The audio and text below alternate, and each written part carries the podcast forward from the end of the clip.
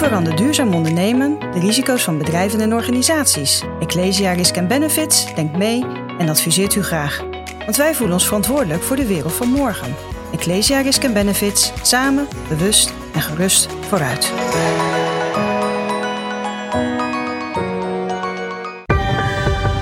Ecosofie wordt mede mogelijk gemaakt door Renewy. Renewy. Minder nieuw, meer renew. Want afval bestaat niet. Strategie en transformatie is natuurlijk een belangrijk punt ook in de discussie rondom duurzaamheid. Ja.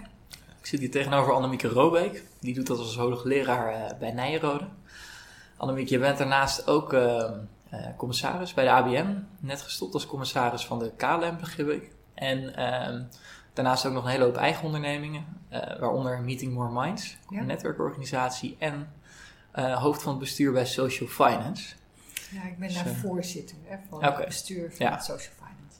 Ja. ja, de rol van eh, al dat soort bestuursorganen daar gaan we ook op terugkomen in het gesprek. Ehm, maar ik denk ook dat als ik zo al die dingen opnoem, dat er ook wel een bepaalde samenhang zit in eh, al dat soort functies eh, en de verschillende rollen daartussen. Klopt dat? Ja, ik denk dat ehm, de drive van mij om verschillende dingen te doen tegelijkertijd en op een dag meerdere petten op te hebben, eh, maar in mijn hoofd toch heel duidelijk de zaken te combineren, ehm, is omdat ik uiteindelijk altijd activiteiten wil doen, of het nou als bestuurder is of als ondernemer ehm, of als hoogleraar, waarbij ik een, eh, ehm, een, een rol heb waarbij ik kan eh, beïnvloeden. En beïnvloeden om ofwel mensen scherper te laten nadenken, maar met name ook een soort eh wakkerschutrol rond grote vraagstukken. En dat kan zijn eh, dingen rondom de digitale transformatie of rondom klimaat, klimaatadaptatie, andere manieren van werken, meer samenwerken, meer denken in, in ecosystemen. En voor mij zijn eigenlijk alle organisaties waar ik meewerk, voorwerk of mijn eigen organisaties, zijn eigenlijk vehikels waarmee ik ehm, mijn steentje bijdraag om ehm, meer zicht te krijgen op het grote vraagstuk, maar vooral ook te werken aan concrete oplossingen. Ja, en is duurzaamheid dan in jouw ogen een van de grote vraagstukken van dit moment? Nou, ik denk dat het het al heel erg lang is. Eh, we hoeven maar terug te gaan naar de Club van Rome, midden jaren zeventig. En we zagen toen natuurlijk al, eh, die tijd vooral de doemscenario's. Ehm, maar we waren wel heel goed gewaarschuwd. En denk aan de jaren tachtig, wanneer we zien dat eh, we zoveel zure regen in de bossen in Europa hebben. En eh, als je keek naar de rivier de Rijn, die vol lag met dode vissen omdat de chemische bedrijven langs de Rijn van Franse, Duitse, Belgische, waarschijnlijk ook wel van Nederlandse kant, er van alles maar inplemten. Dan zie je dat duurzaamheid nu wel lijkt zeg maar, een heel hot item te zijn, maar het besef dat je eh, op een andere manier moet gaan ehm, produceren, consumeren, ehm, in het leven moet staan met de planeet eh, waar we er maar één van hebben, waar wij nu op leven. Ehm, dat is natuurlijk toch al een, een thema wat al veel langer speelt. En het geeft ook eigenlijk aan dat juist transformaties vaak een, eh, een lange aanloop nemen. Ja, en als ik dan, ehm, want de Club van Rome, et cetera, dat is natuurlijk al een hele tijd terug. Je bent ooit eh, afgestudeerd als politicoloog en econoom, begreep ik? Nou, ik ben als politicoloog internationale betrekkingen eh, afgestudeerd. Toen al, ehm, dat was eh, begin jaren tachtig, eh, op de hegemoniestrijd tussen Japan en de Verenigde Staten. Omdat Japan toen als technologiemacht enorm opkwam. En je ziet nu heel veel analogie tussen wat je, zeg maar, hoe China neergezet wordt en de VS. En in die zin is er ook, ik zal niet zeggen nothing new, integendeel. Maar het is wel dat ehm, eh, thema's soms wel terugkomen. En ik ben later als eh, eh, econoom gepromoveerd op de internationale technologiewetloop op het gebied van eh, ICT, biotechnologie en nieuwe materialen. En hoe die drie nieuwe kerntechnologieën destijds al de basis legden voor het techno-economisch paradigma waar wij nu middenin zitten. En de versnelling, hè, waar we, die zo gepercipieerd wordt nu. Hè. Dus het idee van het gaat nu sneller dan voorheen, heeft met name te maken dat die verschillende technologieën ook heel nauw met elkaar samen, uh, elkaar heel sterk beïnvloeden, maar met name doordat de ICT uh, via internet en, en, via Internet of Things en nu via machine learning, artificial intelligence, um, voor een enorme stroomversnelling van processen kan zorgen. En dat is waarom we denken dat het nu veel sneller gaat. Maar ik zeg ook altijd van, uh, je moet ook je geschiedenis kennen. En de aanloop is vaak groot en lang en langdurig. En uh, het duurt vaak zo lang voordat er echt iets gebeurt, omdat de eigenlijk een soort ijsberg is, waar in het topje wel wat veranderingen van trends langskomen, maar voordat die echt helemaal doorleefd zijn en verwerkt zijn, waardoor bedrijven en werkwijzes uh, uh, transformeren, dat duurt vaak 25 jaar. En komen we daar dan nu aan? Als ik, uh... Ja, dat vind ik zo interessant van deze tijd. Hè. Het is echt het absolute einde van het, het Fordistische paradigm. Dus waarbij juist um, heel erg in de massa gedacht werd, heel veel massa en uiteindelijk heel veel een, een global, uh, mondiale uh, strategie. En alles in stukjes opdelen. En ik denk dat je juist nu heel goed gaat zien hoe we um, mede door de uh, technologische mogelijkheden, maar ook mede door een ander bewustzijn, en daar spelen generaties natuurlijk een belangrijke rol, ook bewustzijn van jongere mensen, uh, veel meer een strategie krijgen waarbij het niet erom gaat zo ver mogelijk weg dingen, zo goedkoop mogelijk en zoveel mogelijk te produceren, maar om dingen weer regionaal zo goed mogelijk uh, te maken van hogere kwaliteit met een grotere transparantie in productieprocessen. Waardoor mensen ook meer vertrouwen hebben in dat wat ze eten, drinken, aanschaffen. Je noemde net uh, daaraan voorafgaand drie technologieën of drie. Uh, hoe, ja, hoe ICT, nou? biotechnologie en nieuwe materialen. Ja. ja. Maar nu hebben we natuurlijk ook de nanotechnologie. En vanuit de ICT heb je natuurlijk de hele internettechnologie en Internet of Things gekregen. Maar dat alles zorgt voor een ander technologisch paradigma dan bijvoorbeeld dat wat we in de jaren 50 hadden. Dan zie je bijvoorbeeld dat dat nog heel erg op de elektriciteit zit en heel sterk op het oliecomplex. En, en, dat, en het chemiecomplex. Dat waren veel meer de technologieën van daarvoor.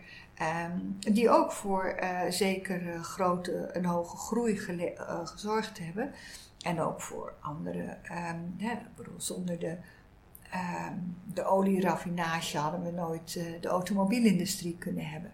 Maar je ziet dat eigenlijk veel van die industrieën en, en activiteiten die met dat um, olie- en gas- en automobielcomplex te maken hebben, dat, en chemiecomplex, dat die eigenlijk nu van van, ik zal niet zeggen niet meer belangrijk zijn, maar niet meer de toon gaan zetten voor dat wat er gaat komen. En dat is veel meer toch vanuit wat er nu gaat komen, is veel meer um, gedematerialiseerd. Dus eigenlijk veel meer vanuit de software, vanuit de data, uh, vanuit uh, de machine learning. Om uh, producten en diensten te maken die veel intelligenter zijn, zonder dat je daar heel veel materialen voor nodig hebt. En uh, is dat dan toeval? Of, uh, want dit klinkt ook wel als de precies de technieken en technologieën die, die we ook nodig gaan hebben om iets als een klimaatprobleem wat nu uh, ja, ja, ja. op ons afkomt te tackelen. is nee, het dan toeval nee. dat dat tegelijkertijd. nou, nee, het is, maar dat is denk ik wanneer je um, ziet in wat waren, de, wat waren de beperkingen van het paradigma dat nu zeg maar, op zijn end loopt, dat fordistische paradigma. En dat konden wij als wetenschappers in de jaren tachtig al heel goed analyseren. En daarom zagen we juist ook, wanneer we als politicologen, economen naar die technologische mogelijkheden keken, naar wat voor uh, ontwikkelingen dat teweeg zou kunnen gaan brengen, wat voor impact dat zou kunnen gaan hebben, niet alleen op uh, de veranderende internationale concurrentieverhoudingen, maar ook hoe, als het ware, de grenzen tussen bestaande sectoren zouden vervagen. Denk aan telecommunicatie en computers. Nou, dat, de hele telecom is natuurlijk iets waar dat helemaal in uitgekomen is. Maar je ziet het ook tussen bijvoorbeeld de biotechnologie en de medische wetenschap. Hoe we steeds meer de komende uh, jaren naar gepersonaliseerde medicijnen zullen gaan. Of dat we via nieuwe materialen uh, zaken nu die 3D kunnen printen, die uh, zeg maar als een heupvervanger kunnen dienen of een, een, wervel of, of noem maar op. En um, daar zie je hoe combinaties tot stand gebracht worden, die we daarvoor veel minder zouden zien. Maar ja. ook bijvoorbeeld hoe de biotechnologie voor een andersoortige uh, golf van gewas, een verhoging van gewaskwaliteit kan zorgen, bijvoorbeeld. maar je kunt ook, en dat is wat je altijd wel moet realiseren, dat technologie is nooit heilig. Um, en technologie heeft ook altijd een een, een keerzijde. En technologie bepaalt het ook nooit. Technologie komt pas tot leven en dat wordt pas nuttig als het gekoppeld wordt aan een vraagstuk. Dus als we bijvoorbeeld zien um, dat er grondstoffenschaarste is, of als we zien dat we uh, liever het gas in de grond houden, behoud van grondstoffen. Um, en dat we liever niet meer um, uh, afhankelijk willen zijn van de olie vanwege heel veel andere, uh, om heel veel andere redenen, dan moeten we naar iets anders zoeken. En het betekent niet dat dat er dan in aanvang nog niet is, want ook in de jaren tachtig waren er al zeg maar solar panels, maar dan in rudimentaire vorm. En wind is natuurlijk ook al iets wat ook al een hele tijd bekend is, wat energie levert. Maar dan komt als het ware de institutionele slag, de machtsslag van willen de olie-, gas- en energiebedrijven wel ruimte geven aan iets wat nieuw is en wat hun eigen positie zal attackeren. Nou, en ik denk dat we daar nu, en dat, is, dat maakt het zo interessant ook deze tijd, dat we op veel fronten zien, en energie is slechts een voorbeeld, dat daar nu echt een tipping point bereikt uh, wordt. Uh, en dat betekent niet dat er geen olie meer uit de grond gehaald gaat worden, maar dat je een olieschaamte krijgt. Weet je? En dat je denkt, ja, dat wil je eigenlijk liever niet meer. Ja? Dus daar, dat zal bijvoorbeeld ook zorgen dat, die dat elektrische auto's of elektrisch vervoer, dus elektrische mobiliteit zullen we straks over spreken. En niet eens meer dat iedereen een eigen auto heeft, maar mobiliteit. Dat we veel meer in dat soort termen gaan denken. Dat we wel de diensten hebben, maar niet meer het bezit hoeven te hebben. En dat zie je bijvoorbeeld in de sharing economy. Dat was iets wat we wel uh, hè, al 15 jaar zien aankomen, maar wat het nu door het, doordat je via het internet dingen nu makkelijk met buren of op grotere schaal kan gaan delen of uitwisselen uh, en elkaar kan vinden, kan dat nu makkelijker geregeld worden dan voorheen. Ja, iets, iets interessants wat je net uh, al noemt, is die olieschaamte. Mm -hmm. want we gaan natuurlijk inderdaad dingen delen, maar je bent zelf commissaris ook geweest bij de KLM. Ja. Ik heb zelf nog nooit het, uh, het woord olieschaamte letterlijk in mijn uh, mond genomen. Maar, uh, Verzond ook maar net. ja, precies. Maar vliegschaamte is natuurlijk inmiddels echt een, wel, een welbekend begrip. Ja. Hoe, hoe is dat dan bij zo'n bedrijf als KLM? Want de luchtvaartindustrie, ja. heb ik wel eens begrepen, is toch een van de weinige industrieën die uh, nou echt lastig is om daar, uh, bijvoorbeeld elektrisch vliegen is nog heel ver weg. Ja, ik bedoel, dat kan een uh, EasyJet wel met heel veel aplomp roepen, maar dat is een marketing stunt. En uiteindelijk zullen ze misschien over een paar jaar een eerste vliegtuigje met één, twee mensen hebben die dan over de plas kunnen vliegen. Prima dat dat, dat allemaal gebeurt. Hè. Um, maar je vraag is van hoe ga je daar nou bij een KLM mee om? Nou, ik denk dat je uh, dat het zonder, uh, zonder twijfel is vliegen vervuilend. Daar ga je geen ander verhaal voor maken. Wat je wel kan zien, en dat vond ik juist zo interessant bij KLM, hoe we daar de, um, dat je de, kon zien dat de discussie eerst ging van nou uh, ja, natuurlijk moeten we wel duurzamer worden, maar dat was een nice to have. Het was leuk om te hebben. En het was ook een manier om het personeel, nou, van laag tot hoog, te vragen van kom met duurzame ideeën. Nou, die komen er ongelooflijk veel. Of het nou zeg maar bij de, vanaf de bagage is, of vanaf het kantoor, of vanuit de cabine.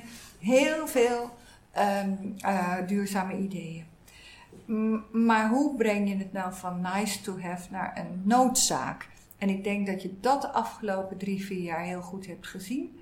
Dat zelfs een KLM die samen met Air France 13 jaar achter elkaar nummer 1, dan wel een keer nummer 2 in de uh, Dow Jones Sustainability Index is. Dus echt een heel veel, uh, zeg maar, veel beter dan de rest van de hele sector uh, scoort. Dat daar toch in de boardroom ehm, de nodige, nou ja, ook druk van buiten nodig was om naar een nieuwe alertheid te komen. En ik denk dat dat ook interessant is, hè? ook naar die um, vliegschaamte toe. vliegschaamte is natuurlijk ook een soort projectie hè, van goh, kan je dat nog maken? Ja, ik denk dat, dat als ik naar KLM kijk, dan denk ik dat, dat ze uh, um, heel veel activiteiten, of het nou zeg maar de biofuel is, of het zorgvuldig omgaan met, met materialen, met eten, met voedsel. Maar dan ben je er nog niet. Dus daarmee heeft KLM, en ik vind dat een, een, hele dappere beweging, om als eerste uh, systeem luchtvaartmaatschappij. Dus dat is de luchtvaartmaatschappij die je echt van A naar B, naar C, naar D over de hele wereld brengen. Dat de KLM gezegd heeft: fly responsibly. En dat betekent pak het vliegtuig alleen dan wanneer je geen ander alternatief hebt.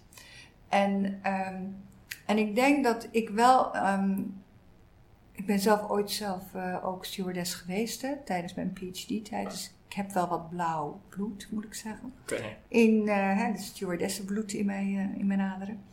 Um, maar fly responsibly is iets anders dan wat zeg maar de, uh, in jargon de low-cost carriers doen. Dus degene die echt, als je voor 25 euro naar Barcelona vliegt, kan dat niet verantwoord. Ja? Maar als jij daar meer geld voor neerzet, en dat moet je toch zeggen, die KLM moet je toch altijd wel meer voor betalen dan voor een EasyJet of voor een WOW of voor een, nou noem het maar, een Ryanair of zo. Dan weet je wel dat de mensen goed behandeld worden, dat het, uh, de vliegtuigen uh, aangeschaft worden en dat die zo duurzaam mogelijk vliegen, dat er biofuel bij komt enzovoort.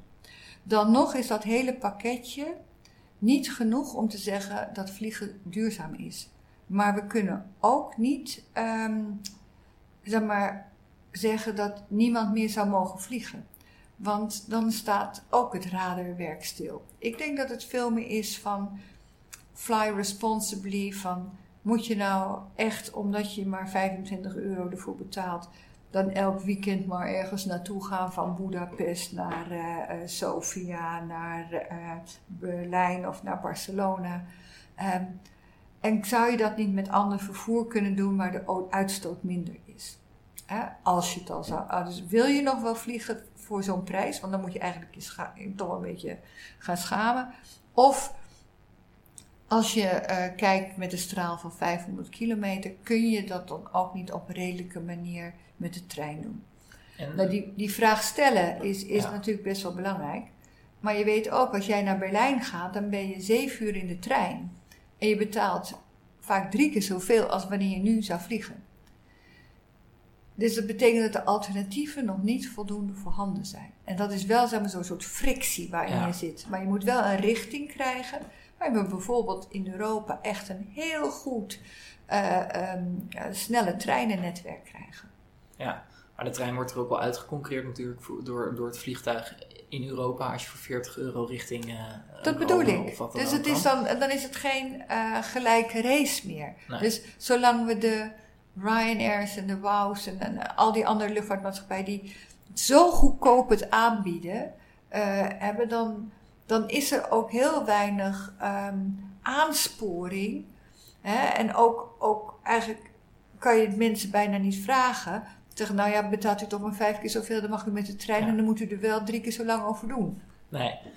Dat is logisch natuurlijk. Maar en, en heel veel verre eh, vluchten, of eh, verre bestemmingen. Ja, eh, d- dan kun je dat niet eh, op je fiets of met de trein of met de auto doen. Hè? Dus dat is, ja, eh, maar je kunt je natuurlijk ook afvragen, moeten we wel naar Amerika, Afrika en Azië? Eh, Ja, ik denk wel dat, dat het. ehm, ehm, ik weet niet in hoeverre dat zit, maar ik geloof altijd wel dat vooral ook zo'n jonge generatie altijd heel graag ehm, dingen wil ontdekken, wil reizen. Ehm, maar dat je op een gegeven moment ook een fase kan hebben die zegt, nou, ik hoef niet zo ver weg. Eh, ik zie ook eh, hoe mooi Friesland is, of ik zie ook hoe prachtig gevarieerd Europa Ja. is. Ja, en ik denk dat je dat wel misschien meer gaat krijgen, ja. Maar om mensen te zeggen van je mag niet meer, eh, of u krijgt eh malespunten omdat u uw vakantie naar Afrika of naar het Verre Oosten. Ik denk niet dat je zo ver moet gaan. Dat zou ik een hele vorm van onvrijheid vinden. Ik vind wel dat de aansporing bij de industrie moet zijn, of nou zeg maar de vliegtuigindustrie is, maar ook de luchtvaartmaatschappijen, om nog veel meer aandacht te geven aan veel duurzamer vliegen. Ja, want dat is toch echt een strategieverandering. En dan komen we ook bij jouw onderwerp van het hoogleraarschap uit, eh, Mhm. waar je je bezighoudt met strategie en transformatie. En dat is dus niet alleen maar eh, financiële winst maken, maar ook daadwerkelijk zorg dragen voor. Binnen de grenzen wat kan, denk ik, ehm, het duurzaam vliegen dan. Of zie ik dat verkeerd? Ja, wat, dan, wat kan. Maar ik denk ook dat je zo realistisch moet zijn dat als je zo'n sector als eh, de luchtvaart hebt, dat je dat niet eh, binnen een paar jaar oplost. Maar het is wel zo dat als je zegt van nou, daar maken we met meer landen hè, eh, en misschien wel wereldwijd een, ehm, een project van alsof het zeg maar eh, eh, de woman on the moon is. eh, dat je er dan eh, wel sneller komt. En jouw rol als commissaris daarin? Ja, nou, ik heb als commissaris eh, eh, heb ik altijd eh, een paar aandachtspunten voor mezelf. Hè. Ik wil graag in bedrijven werken die er toe doen of waar een complexe klus te klaren is. En ehm, behalve dat ik de KLM een prachtig eh, bedrijf vind, vond ik wel dat je daar de innovatiekaart moest blijven trekken. Dus daar heb ik heel erg op geduwd. En op de duurzaamheid. En de duurzaamheid heb ik met name ook heel erg gedaan samen met de medewerkers, met de ondernemingsraad. Ehm, en er was altijd wel een hele sterke eh, ehm, eh, groep ook en, en aandacht voor MVO. Maar je moest het wel op de kaart blijven houden. En dat is denk ik wel mijn rol geweest. En je ziet nu toch wel dat, ja, ook daar waar er soms een, een paar jaar een beetje verslapping misschien was van, ach, het is misschien niet zo. eh, nu moeten ze wel. En dan is het wel heel goed dat er zo gemobiliseerd wordt, ook vanuit het bedrijf, maar ook vanuit ehm, de, de, de Greenpeace, vanuit de Milieudefensies, vanuit de stakeholders. Ehm, om te zeggen van, doe dan nog harder je best. En ik denk dus dat innovaties bij, ehm, bij, bij industrieën, bij bedrijven ook niet zeg maar, vanzelf komt, maar dat er ook een, een noodzaak gevoeld moet worden. Ja, en als je het dan hebt over die rol als commissaris, het klinkt ook wel alsof je veel initiatief hebt genomen. Ja, heb ik ook wel. Ehm. Ja, ik ben een, een hele geëngageerde commissaris, ook hier binnen ABN AMRO, waar we nu zitten. Ehm, de bank ehm, heeft natuurlijk toch best een verrassende ehm, eh, strategie laten zien vorig jaar. eh, door te komen met eh, Banking for Better for the Generations to Come. En daar hebben we, heb ik ook zelf als commissaris, maar ook heel in nauwe samenwerking met andere commissarissen, maar vooral ook met leden van de Raad van Bestuur, met de afdeling strategieën, met de medezeggenschap. Ehm, dat is, dat, die, die, die strategie is niet zomaar gekomen. Daar is wel vijf jaar met elkaar ook goed aan voorbereiding aan vooraf gegaan. Hè, door in het Innovation Center eh, binnen de bank te werken aan het begrip ecosystemen. Wat is dat nou als je met heel veel partijen gaat samenwerken? Wat betekent het nou als je niet kijkt naar een één op één winst, maar ook een maatschappelijke rol speelt bij de grote vraagstukken en uitdagingen? Wat zijn dan die uitdagingen? Hoe kunnen de SDG's je daarbij helpen? We hebben in 2017 een, uh, een strategie-sessie met de Raad van Bestuur, Raad van Commissarissen gehad buiten de bank. En die is helemaal ook in het teken van de SDG's gegaan. Nou, daar waren ook natuurlijk leden van de top bij die helemaal niet zo geïnvolveerd waren en wisten wat die Sustainable Development Goals waren. Maar nu weten ze het wel en ze staan in de strategie ook echt benoemd.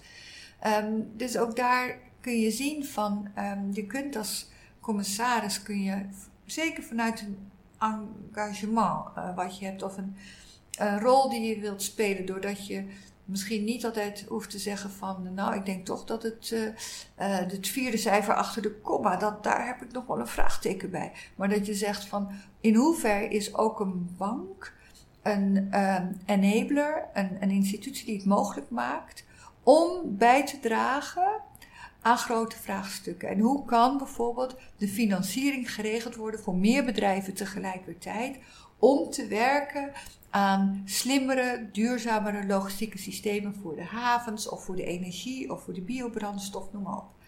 En dat zijn toch zaken die, nou, waar ik zelf ook wel bij betrokken geweest ben, maar waarbij je juist als commissaris vaak, um, ja, als het ware een, um, een duwtje kan geven, waarbij het wel helpt dat ik natuurlijk daar zelf ook over doseer. Hè? Dus ja, iemand die alleen maar CEO in een ander bedrijf is, die is daar misschien minder bekwaam in dan iemand die ook zelf de colleges erover geeft en werkgroepen kan uh, begeleiden en in brainstorms meedoet en uh, debatavonden meedoet. Weet je, dat is toch een, iets ja. anders. Want um, je noemt het net al even, niet alleen maar vragen stellen, maar uh, dan heb je toch een wat meer actievere rol. Wat, hoe houdt dat, wat houdt dat precies in dan nu om commissaris te zijn? We hadden het in het voorgesprek al ja. even over dat er uh, een uh, nieuwe governance code ja. is. Uh, is dat dan ook heel erg veranderd de afgelopen jaren? Nou, ik, ik, voor mijzelf is het niet veranderd. Is het alleen, zou ik zeggen, gemakkelijker geworden. Omdat ik me minder hoef te verdedigen. Ja, want het is, maar het is dus niet meer maar, echt alleen maar een toezichtsfunctie. Nou ja, officieel zijn we natuurlijk de toezichthouders. Maar met hele grote verantwoordelijkheden. En in de nieuwe governance code staat heel expliciet dat commissarissen ook verantwoordelijk zijn voor um, de continuïteit um, van de organisatie en vooral voor het lange termijn perspectief. En dat betekent dat je je dus ook juist met de strategie moet bezighouden. Hetgeen niet betekent dat wij de, de strategie dicteren. Maar je kunt wel uh, in de dialoog met de executives leden, directies, leden van de raad van bestuur, um, kun je wel juist um, de thema's goed bespreken en de richtingen um, helpen aangeven.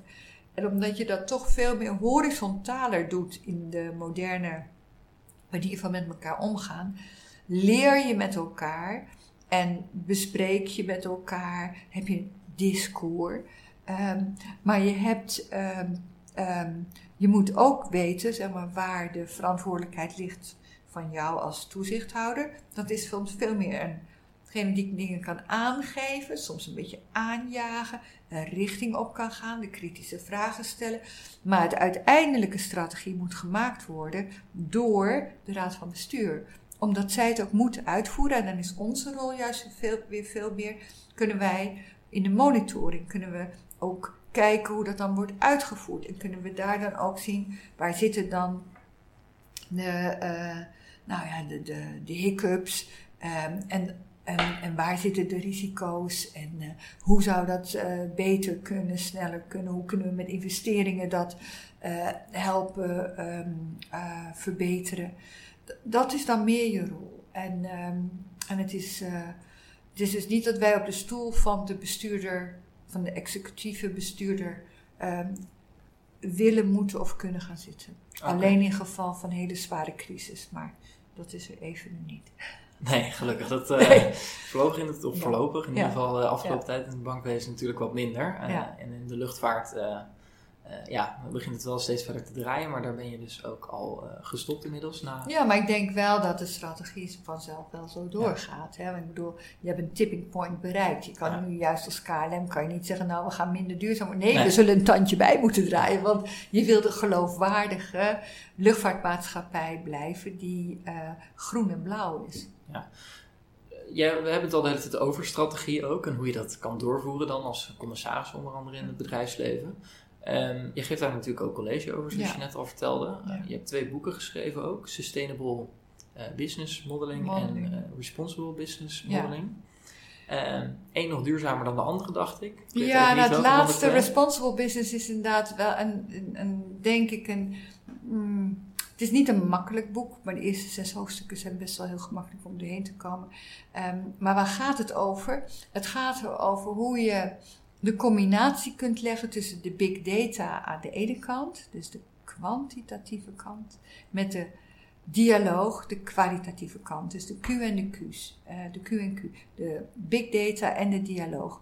En hoe kun je nou zorgen dat je juist bij hele grote investeringen, of het dan gaat om, nou bijvoorbeeld in het boek staat ook eh, de casus van DSM, ehm, die stonden voor de strategische keuze, zullen we eh, duurzame energie voor, voor een grote plant, een fabriek die ze hadden in Amerika, zullen we die duurzame energie inkopen of zullen we het op onze site zelf ook duurzaam gaan verwek, verwekken, eh, opwekken. En, ehm, en dat is natuurlijk wel een verschil. Hè? Of je zeg maar een energiefabriek zelf gaat worden daarnaast. Of dat je zegt, nou we halen het wel van een energiebedrijf en dan komt het ook. En daar hebben wij het onderzoek voor gedaan, ehm, juist met de Responsible ehm, eh, Business Simulator. Dat is eigenlijk een software tool waarbij wij op basis van wat we kwalitatief met vragen en met dialogen en eh, met rapporten uit het bedrijf en wetenschappelijke bevindingen eromheen naar boven halen. Daarmee kunnen wij ehm, eigenlijk ook op eh, eh, het berekenen eh, hoe je naar keuzes komt. Wat nou zeg maar het meest duurzame is. En voor DSM gold bijvoorbeeld in dit geval dat uit de berekeningen kwam dat het voor, voor puur de duurzaamheid zelf, de bijdrage aan de duurzaamheid in den brede, maakt het niet uit of je nou zeg maar van bedrijf, energiebedrijf X de duurzame stroom aanschaft of dat je het zelf gaat opwekken. Maar waar het hele grote verschil in zat, was zeg maar in de uh, beleving van de medewerkers van DSM in de VS. Die hadden veel meer, um, zeg maar, uh, zin en, en wilden ook heel graag dat het bedrijf ook een duurzame uitstraling kreeg. En uiteindelijk is uh, uh, ook besloten om maar, de duurzame energieopwekking met zonnepanelen op de site te doen. omdat je dan ziet dat de P van people soms ook heel erg belangrijk kan zijn om de P van planet te ondersteunen. Um, en voor de profit kant, de andere P, maakte dat eigenlijk niet zoveel uit. En dat hoor je wel eens vaker, dat als mensen zonnepanelen op het dak zetten, dat ze dan daar ook een ander mens... Uh, dus exact. dat de indirecte effecten veel groter zijn dan je eigenlijk uh, exact, Marnix. Uh, exact. zou verwachten. Ehm, weet je, ik, ik heb zelf ook een ander voorbeeld. Een minder goed eh, gelukt voorbeeld. Een jaar of drie geleden wilde ik bij mij op het, eh, op, op het gebouw waar, waar we wonen, samen met andere bewoners kijken of we zonnepanelen zouden kunnen neerleggen op het dak. Nou, we zijn voortvarend te werk gegaan. We hadden zelfs een uh, SDE uh, um, uh, energiesubsidie samengekregen. we hadden de verschillende eigenaren ook. En toch waren er ook, er was een kleine minderheid van woningeigenaren. Die pertinent dit niet wilden hebben. He, dus ook al is energie een gevoel geworden, moeten we toch ook niet um, onderschatten hoe voor heel veel mensen dingen als duurzaamheid juist gezien wordt als een linkse hobby. En niet als iets wat neutraal is en goed is voor people, planet and profit. Um, en ik denk dat, um, dat, dat ook, nou ja, wat we ook zien met de hele populistische bewegingen, daarmee wordt juist ook een andere kant van de duurzaamheid benadrukt, die tegen de beweging inwerkt. En dat is omdat mensen denken dat uh, het niet zo belangrijk is en dat die planeet niet zo belangrijk is en dat het alleen maar duur is en dat het alleen maar een uh, ideologische hobby is. En, en met nog meer fake nieuws hieromheen, denk ik dat het nog niet eens zo gemakkelijk wordt om alle maar, goede vernieuwingen die we graag zouden willen doorvoeren op het gebied van klimaat, klimaatadaptatie, innovaties, steden aanpassen enzovoort. Omdat er ook een, ehm, een grote groep mensen gevoed wordt door nieuws en door berichtgevingen of door ehm, nou, misschien ook wel podcast, Marnix. Nou, ik hoop, ik hoop zelf altijd dat de podcasts wat meer diepgang brengen. Maar je zult vast ook uh, podcasts hebben Ja, maar je die, begrijpt wat ik bedoel, hè? Dat dit natuurlijk Ja, maar toch... het, het- het- ik denk wel dat eh, het, het fake nieuws waar we het over hebben, dat dat toch vaak het snelle nieuws op Facebook is. Eh, maar je zal ongetwijfeld ook eh, mensen hebben die lang in gesprek gaan over de andere kant of de tegenstellingen van maar, duurzaamheid. maar, maar toen, je kan ook zeggen van hoeveel mensen lezen nog wel de goede achtergrondartikelen. Nou, weinig denk ik. Want Ja, het is want- allemaal heel vluchtig. En dan is het ook makkelijk om eh nuances te missen. ja. En dat is natuurlijk jammer. Wat ik wel interessant vind, wat je net ook zegt, is dat het een linkse hobby is. En dat wordt natuurlijk zo was geframed. misschien, maar is het ja, helemaal maar niet. dat insinueert ook dat duurzaamheid geld moet kosten. Dat is natuurlijk Ja. ook in lang niet alle gevallen waar. Tenminste, er zijn onderzoeken waarin dat eh, al lang achterhaald Oh, wordt. zeker, Zei ook ja, Fijke ja. Die ik sprak. Maar hoe, hoe is dat in het verduurzamen van het bedrijfsleven? Want Ja, ik vind een er goed niet punt. nog, nog Ja. vele slagen gemaakt worden die gewoon inderdaad, zoals je zegt, Ja. profit ook opleveren? Nou, ik zal een paar voorbeelden geven. Als ik bij ehm, ABN AMRO bijvoorbeeld kijk, zijn er natuurlijk dat er steeds kritischer gekeken wordt naar waarin, ehm, in welke industrietakken ehm, eh, wil je nog wel kredieten leveren. Ehm, en dan zie je dat naar de energiesector veel kritischer gekeken wordt. Niet naar de renewables, daar wordt wind en zon en eh, waterstof misschien straks. Daar wordt zeker met heel veel belangstelling naar gekeken en geïnvesteerd. Maar je hebt natuurlijk nu, en dat is anders dan vijf jaar geleden, nu zie je toch ook dat juist de olie- en gasindustrie stranded assets genoemd worden. En nog meer zie je dat bij de hele grote investering, investeringsmaatschappijen, zoals bijvoorbeeld de pensioenen. Daar, eh, dus bijvoorbeeld de, de ABP's en de PGGM's, die zullen, ehm, eh, die hebben weliswaar een heel erg eh, brede portefeuille, maar daar waar SDG's, dus de Sustainable Development Goals, eh, eh, toch als richtsnoeren gaan dienen, zul je zien dat er, zonder dat er veel, nou maar, tamtam over gemaakt wordt, maar dat er bepaalde sectoren het veel moeilijker zullen krijgen om investeringen te krijgen. Neem een ExxonMobil bijvoorbeeld nu, hè, die een degrading kreeg eh, eh, door ehm, de, eh, ehm, beoordelingsbedrijven, ehm, zoals een Moody's bijvoorbeeld. En dat geeft al aan dat dit soort bedrijven, die, die maar, tot voor kort eigenlijk altijd de hoogste winst en stabiliteit waren en de lievelingen van de investeerders, dat die het de komende jaren heel erg moeilijk zullen krijgen. En dat kan ook met Shell ge- gebeuren. Shell is niet meer het aandeel waar je misschien heel lange termijn ehm, je, je geld op zou willen zetten. Terwijl er juist andere eh, bedrijfstakken zijn waar je dat misschien wel liever wil doen. En waar je dan misschien ook wel liever, en dat weer ook dat gevoel, ehm, liever long-term, lange termijn, een lagere dividend hebt of een lagere return, maar wel een beter gevoel. En ik denk dat dat een belangrijke waardewende is. Dat is een omkering in de waarde. Dat daar waar het maar, met name zo eind jaar negentig en, en, en, en tot de, jaren tot de crisis erom ging om zoveel mogelijk geld uit de meter te halen en zoveel mogelijk geld verdienen. En dat, dat dat een naar luchtje gaat krijgen, letterlijk, ofwel een vervelend gevoel. Ja, en daar zijn natuurlijk ook de, de, wet- de rol van de wetgevers zijn natuurlijk ook wel interessant. in. Zeker. Want het kan natuurlijk, ehm, we zien nu ook de Urgenda-zaak, Ja. die Ja. binnenkort 20 december dacht ik eh, op zijn einde loopt. Dat Ja. wordt heel interessant. Maar het kan natuurlijk ook gewoon zijn, eh, misschien ooit wel heel heftig, dat olie en gas eh, zelfs verboden worden of iets dergelijks. Maar als dat soort dingen gaan gebeuren, dan stort een aandeel Shell natuurlijk ook gewoon in. Ja, en dat zal natuurlijk niet de eerste jaren zijn, hè, maar het is niet voor niks dat juist een Shell eh, ook in ons land geprobeerd heeft om de energietransitie zo te traineren dus te zorgen dat we echt naar 2050 moeten kijken. Terwijl ik ben zelf ook voorzitter van een uh, commissie geweest uh, voor de overheid, voor de RLI, uh, voor de Raad voor de Leefomgeving en Infrastructuur. Om nou te zien hoe komt het nou dat ons land zo, zo langzaam aansluiting kreeg bij dit bij zeg maar meer investeren in duurzaamheid. Terwijl al, al onze omringende landen, zelfs het VK, het wel deden. En dat heeft natuurlijk wel te maken met de macht van dit soort grote ondernemingen à la Shell in zo'n klein land als Nederland.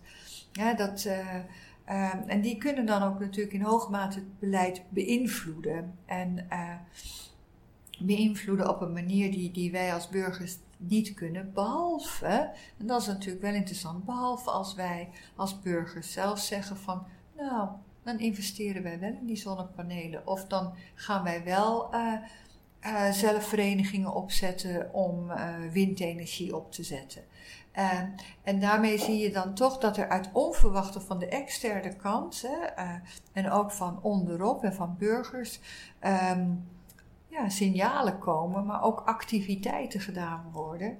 Waar het beleid nog niet ondersteunend is, maar wat wel gedaan wordt. En wat interessant is, en dat vind ik juist zo interessant vanaf 2015, hè, dus wanneer we Parijs uh, hebben gekregen met uh, klimaatdoelstellingen, uh, dat dat eigenlijk ook getrokken is door voorlopers in het bedrijfsleven. Zonder het bedrijfsleven was dat geen succesvolle klimaatconferentie geweest in Parijs.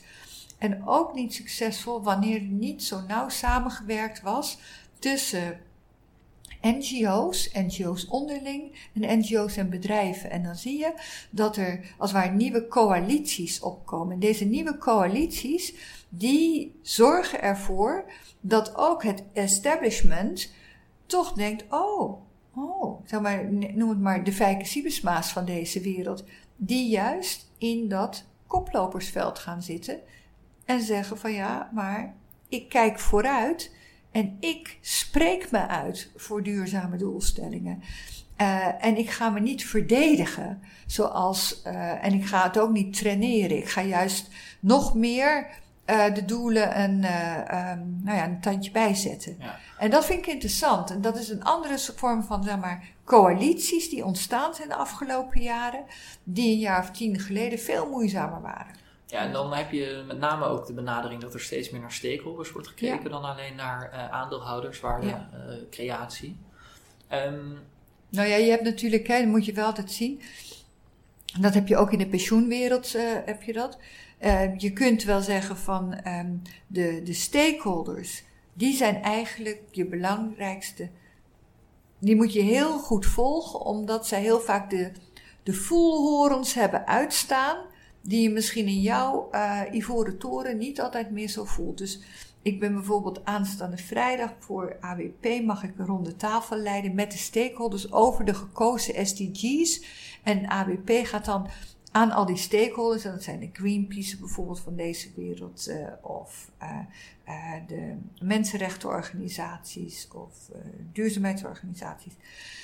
Dan gaan ze vertellen van dit en dit hebben we met jullie besproken in maart. En wij zijn zo en zo en zo daar nu mee doorgegaan. En in onze beleidsvoornemens voor de komende vijf jaar willen we dit en dit gaan doen. Nou, dat is een transparantie en een openheid en een samenwerking.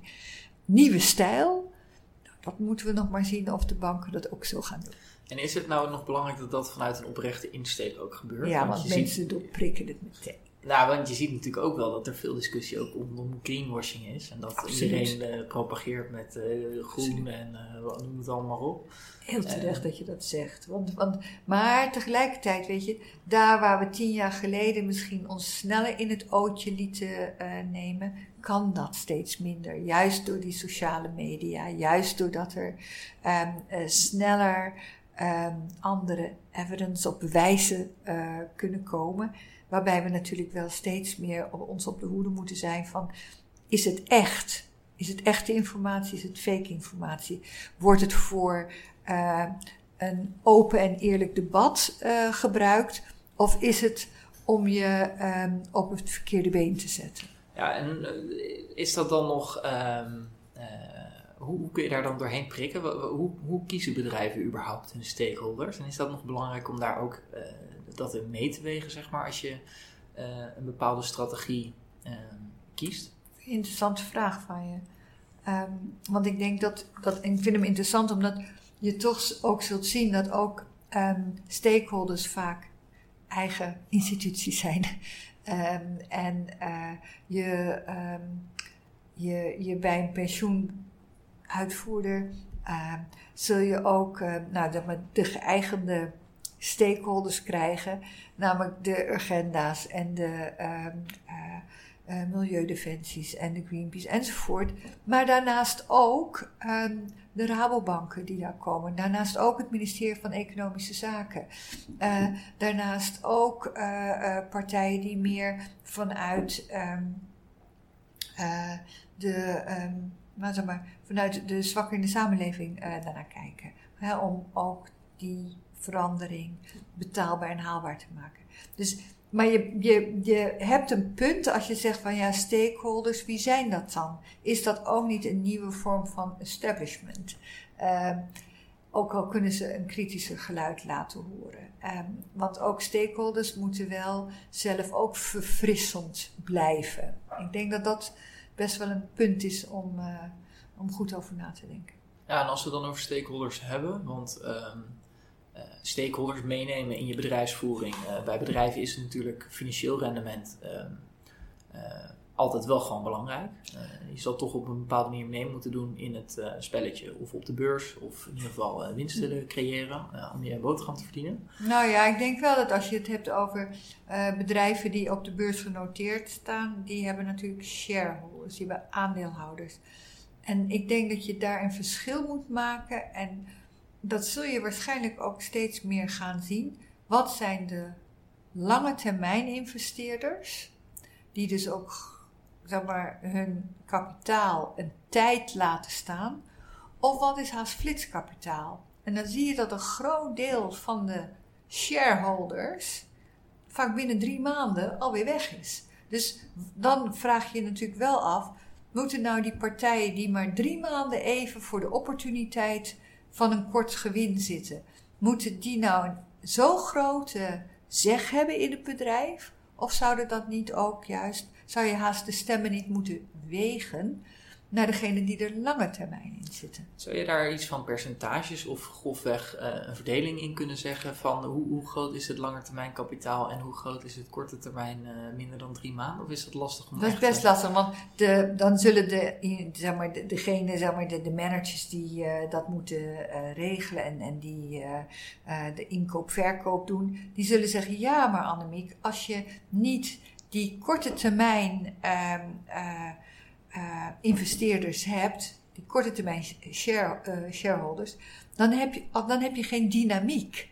En de beurs leeft natuurlijk ook van de dynamiek, van de handel. Weet je, dus, en dat vind ik ook een terecht punt. Maar mijn punt zou eerder zijn dat als je maar heel kort ergens in zit, um, dat je dan een andere, um, dat jouw stem een andere waarde heeft dan degene die er langer in zit ja, voor drie maanden is het lastig om langer termijn beslissingen te nemen. Dat bedoel ik, eh, en toch kan het wel gebeuren. Ja. ja. En dat is denk ik wel iets wat heel erg onderschat wordt in de discussie.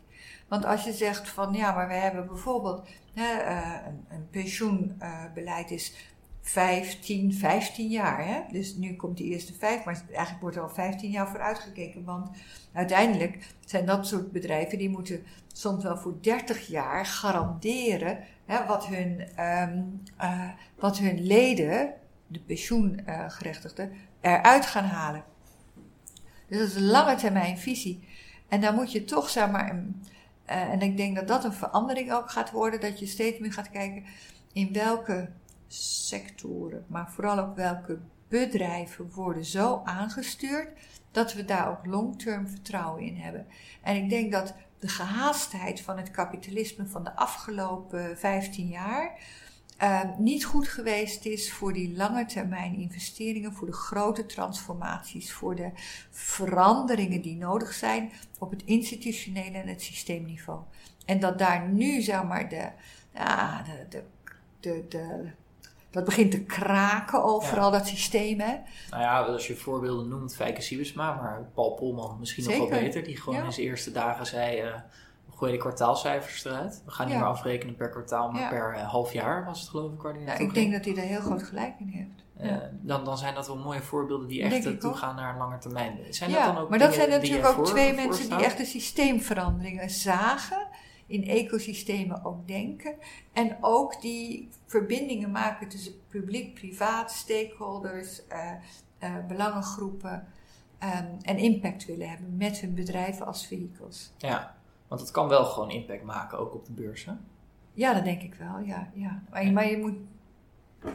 Ja, maar je moet denk ik daar, en dat zul je, zul je eh, wel zien, niet, niet elk bedrijf is nou zo interessant voor- vanuit een duurzame investering misschien. Ja.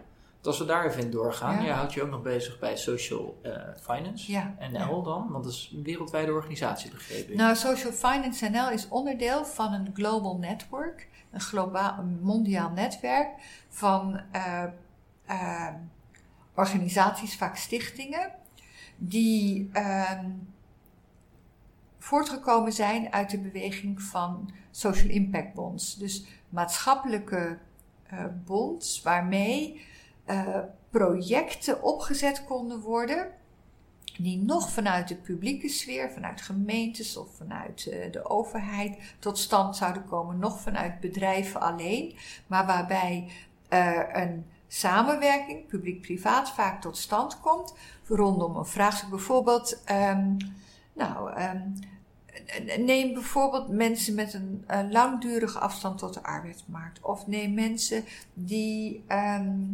weer ter- terug willen keren in de maatschappij nadat ze vastgezeten hebben. Of neem mensen eh, voor wie het. eh, of, of, of gewoon duurzame activiteiten die anders ook niet zomaar vanzelfsprekend eh, zouden kunnen gebeuren. Ja, dus dan val, val je eigenlijk in het gat tussen de markt en, Exact. en eh, het, het publieke gedeelte in. Ja, en dat is een heel lastig gat, want eigenlijk zitten daar heel veel vraagstukken. En daar moet je naar nieuwe oplossingsvormen komen, die niet meteen, ehm, eh, met, niet meteen zeg maar, een economisch rendement opleveren. Ja. Nee, want daar moet je nog eigenlijk zitten pielen. Je moet experimenteren, je moet kijken van wat, wat, welke partijen kunnen wat gaan doen, wat voor concrete projecten kunnen daaruit voortkomen, kunnen we daar eh, we nemen een voorbeeld eh, van Social Finance, die bijvoorbeeld nu samen met de Brabantse Ontwikkelingsmaatschappij allerlei projecten aan het doen is. Om eh, mensen met eh, een zorgbehoefte, bijvoorbeeld meer eh, met kippen, eh, gezonde kippen en, en zorgboerderijfarmsachtige omgevingen te laten werken. Maar ook werkgelegenheidsprojecten opzet of duurzame mobiliteitsprojecten opzet. En dat is allemaal, zeg maar, eh, eh, eh, het, het moet ook nog maar, in, die, in die voorfase zitten, waarbij je eigenlijk zegt van, oh, dit is eigenlijk een prachtige manier om mensen hun eigen ehm, drives te leren kennen, maar ook bedrijven te laten zien van, hé, hey, we kunnen eigenlijk op terreinen innovatiever worden dan we eerst dachten. En waarbij overheden zien van, oh, als we dit doen met mensen met afstand tot de arbeidsmarkt bijvoorbeeld, en ze vinden daar hun nieuwe bestemming, dan hoeven we geen uitkeringen te betalen. Want finance impliceert wel dat er ook geld aan te verdienen is. Is, is dat dan, eh, het lijkt me wel een lastige in deze. Nou, Eh. eh, nou ik, dat denk je, maar ja, dat heb ik natuurlijk ook wel geleerd. Er is wel een gezond rendement te halen uit hele zeg maar, maatschappelijk risicovolle projecten. Die toch heel goed zijn voor mens, milieu en uiteindelijk ook voor Ja. onze publieke financiën. Ehm, en daarom eh, eh, zijn deze social impact bonds zo interessant. Eh, waarmee ehm, eigenlijk net partijen over die hele moeilijke fase heen getrokken worden. Noem het maar het seed capital voor maatschappelijke projecten. Dat is eigenlijk wat Social Finance NL doet. Ja, dus dat is geen geefgeld. Hè? Nee, nee, nee. Ja. Het is wel zo dat Social Finance NL had niet kunnen ontstaan als niet ABN AMRO ehm, een start ehm, uh, gift gegeven had over een paar jaar. En wanneer de grootste subsidiënt, de, het Oranje Fonds, ook niet uh, een paar ton erin gelegd had. En dat heb je nodig. Dus dit zijn dan de, in dit geval een bank en het Oranje Fonds, die de, um, de founding uh, fathers of mothers, whatever you want, um, zijn om deze maatschappelijke projecten met impact over een kritieke fase heen te helpen. Ja. ja. want ik sprak Willemijn Verloop twee weken terug ook uh, voor deze podcast. En zij zei ook, ik hoop niet per se dat het geefgeld niet meer nodig is bij social enterprises. Want om op eigen benen te komen te staan, kan het uh, af en toe wel heel fijn zijn dat het uh, wel gebruikt wordt. Maar uiteindelijk moet het voor een social enterprise in ieder geval moet, moeten ze daar op de lange termijn niet van afhankelijk zijn. Oh nee, dat is het ook zo. Maar, maar um, ik, ik denk dat als je um, goed en bewust en goed gedocumenteerd en met monitoring en met goede adviezen uh, over dat geefgeld, uh, uh, als je dat geefgeld volgt voor projecten, dat je daarna ook kan zeggen, en als je dan wel op eigen benen staat, dan geef je ook weer wat terug. En dat vind ik wel interessant van Brabant op dit moment, van Brabants Ontwikkelingsmaatschappij. Die bouwen nu ook samen met Social Finance wat we noemen een revolving fund. Dus dat wat het geld gaat opleveren, komt ook weer terug, waardoor er weer nieuwere en andere projecten opgestart kunnen worden. En dat zou een hele mooie manier zijn om uh, maatschappelijk durfgeld um, blijvend te hergebruiken. Um, Annemiek, uh, ik heb ook nog één laatste vraag uh, ja? bij dit interview. En, Wat is dat, uh, Mardix? ja, dat is altijd wel leuk, want jij hebt veel verschillende rollen ook gehad en je weet ja. op veel verschillende niveaus invloed te hebben. Uh, maar er staan natuurlijk uh, van mijn generatie uh, veel mensen ook aan de start van een carrière. Ja. Die ook veel worstelen met het vraagstuk impact maken, ja. zingeving, ook geld verdienen. Um, maar wat zou je degene mee willen geven, die, de millennials aan de start van hun carrière? nou, millennials um, zijn, en ik heb, ik heb ze zelf ook als medewerkers bij Meeting More Minds. Ik heb altijd hele jonge medewerkers, zo tussen de, noem maar tussen de 22 en, uh, en de 27. Um, millennials zijn uh, nu nog ongeduriger dan de generaties daarvoor. Uh, en dat komt omdat ze zoveel prikkels krijgen. Vanuit de sociale media, vanuit de gaming, uh, vanuit ook de druk die ze voelen om vooral ook een soort ego te hebben, om er aanwezig te zijn. Um, en ik denk dat een belangrijke, uh, wat ik millennials wil meegeven, is dat ze vooral ook moeten leren reflecteren. En dat is soms eventjes nadenken over waar kan ik nou echt een wezenlijke bijdrage aan leveren en met welke um, mensen, vrienden, clubs kan ik dat ook gaan doen en hoe organiseer ik dat? Dat is dan de ene kant. Dus de maatschappelijke bijdrage vergroten van millennials. Daarom vind ik ook uh, wat jongeren op dit moment doen, overal op de wereld, om in feite de protestbewegingen um, stemmen te geven, richtingen te geven. Ik vind dat de helden van deze tijd. En dat is niet alleen voor klimaat, maar dat is ook voor democratie, dat is ook voor betaalbare voeding en dat is ook voor, voor schone lucht en noem maar op. Dat zijn de jongeren, zijn de helden van deze tijd die zeg maar, letterlijk kracht bijzetten bij de versnelling van de richtingen waar we op moeten gaan. Um, maar het andere wat ik ook mee zou willen geven aan millennials is dat je denkt dat je al veel geleerd hebt, omdat je met um, de mogelijkheden die er nu zijn veel meer informatie hebt dan zeg maar toen ik uh, afgestudeerd was. En toch en toch en toch, hoeveel, hoe, how deep is your knowledge? dus zeg maar, hoe diep is je kennis nou echt? En zou je um, toch ook niet meteen, uh, zodra je begint, je alweer moeten, um, in ieder geval moeten inzetten om uh, de reskilling en de upskilling te gaan doen. Om, uh, omdat de kennis zo snel ook weer vervliegt. En om relevant te blijven, uh, zul je toch heel veel moeten doen om op een moderne manier relevant te blijven en door kennis tot je te blijven nemen. En ook dat weer op een sociale manier met anderen samen. En dus ook zelf veel weg te leren. Ja, dat is wel grappig, want uh, het vorige interview met Willemijn verloopt, dat, dat begon ik over learn, earn, return. Mm. En eigenlijk zeg jij ook weer dat die twee uh, allebei tijdens het earnen ook Gewoon met Ja. elkaar. eh, Het is een, ja, ik, wat ik altijd heel vreemd gevonden heb wanneer oude mannen, een beetje aan het eind van hun carrière, wanneer ze al heel veel geld verdiend hebben ten koste van anderen, zeggen nou, it's time to give back. Nou, ik ben vanaf, ik denk vanaf mijn vijftiende heb ik inderdaad altijd al maatschappelijke activiteiten gedaan, omdat time to give back is wanneer je in het leven staat. En dat is eigenlijk vanaf dag één. Oké, nou volgens mij is dat een mooie afsluiter van dit gesprek. Eh, dankjewel voor je tijd. Graag eh. gedaan. Schone lucht, gelijke kansen, een circulaire economie. Dat is allemaal niet links of rechts. Een mooie toekomst, daar moeten we samen aan werken. Teken daarom ook voor een duurzaam regeerakkoord. Ga naar duurzaamregeerakkoord.nl en teken het manifest.